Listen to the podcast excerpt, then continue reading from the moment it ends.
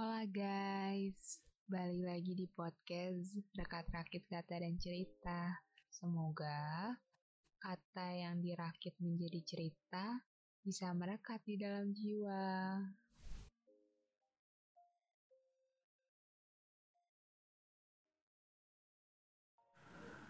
Mempertanyakan sesuatu yang sudah ada hipotesisnya. Dia tidak nyata, dia tidak benar-benar ada, bagaimana saya bisa percaya jika saya hanya melihatnya di layar kaca? Dia hanya bercerita seolah dia memang tercipta. Sa, ini apa yang terjadi sebenarnya? Aku boleh protes nggak? Belakangan ini kamu selalu ada di pikiran saya tahu. Tidak, tidak mungkin. Tidak mungkin jika saya ada perasaan lebih. Tidak, tidak boleh. Tenang, Sa. Saya sedang berusaha agar perasaan saya tak tertoleh. Ini apa-apaan? Saya berupaya seolah tak ada rasa apa-apa. Tapi kamu memang benar-benar tidak ada rasa apa-apa. Sebentar. Saya mau duduk dulu di tempat biasa sambil berpikir. Kamu tak mungkin sama rasa, kamu tak mungkin suka saya. Sebentar, Sa, sebentar lagi. Ini sedang proses menepis sesuatu bodoh yang terbesit.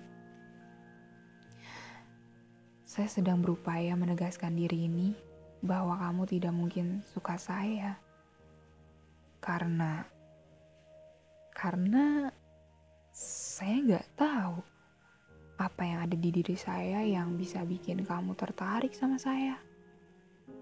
Karena saya pikir mungkin pasti ada deh perempuan lain yang lebih bisa memikat hati kamu. Entah karena ia lebih elok rupanya, lebih halus tutur katanya, lebih banyak menghabiskan waktu untuk bercengkrama denganmu lewat gawai. Rasanya saya jauh dari kata itu semua. Tapi entahlah, rasanya saya ingin jadi cenayang saja kalau begini ceritanya.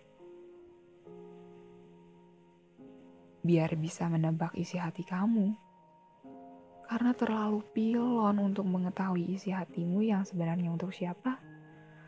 Saya sungguh tidak tahu, Sa. Tapi ya sudah, saya tidak bisa berbuat apa-apa jika kamu tidak ada rasa pada saya.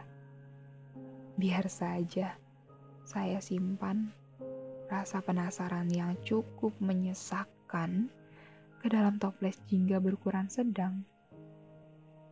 Nanti, jika waktunya sudah tepat, mungkin saya akan tahu jawabannya. Itu juga kalau saya sanggup mempertanyakannya.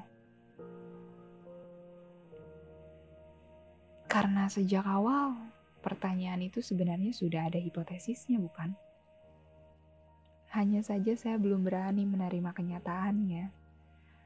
Maka harus bertanya kepastiannya meskipun pasti menyakitkan. Tapi lihat nanti sajalah.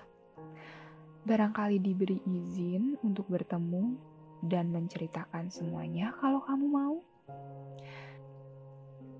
Karena kalau saya memikirkan hal seperti ini terus-menerus, yang ada saya makin gila, tau gak? Dan gak bisa mengubur rasa karena kalah sebelum berperang. Nanti, kalau perasaanmu benar-benar bukan buat saya, kasih tahu ya. Biar saya bisa langsung balik kanan, langkah tegap maju jalan.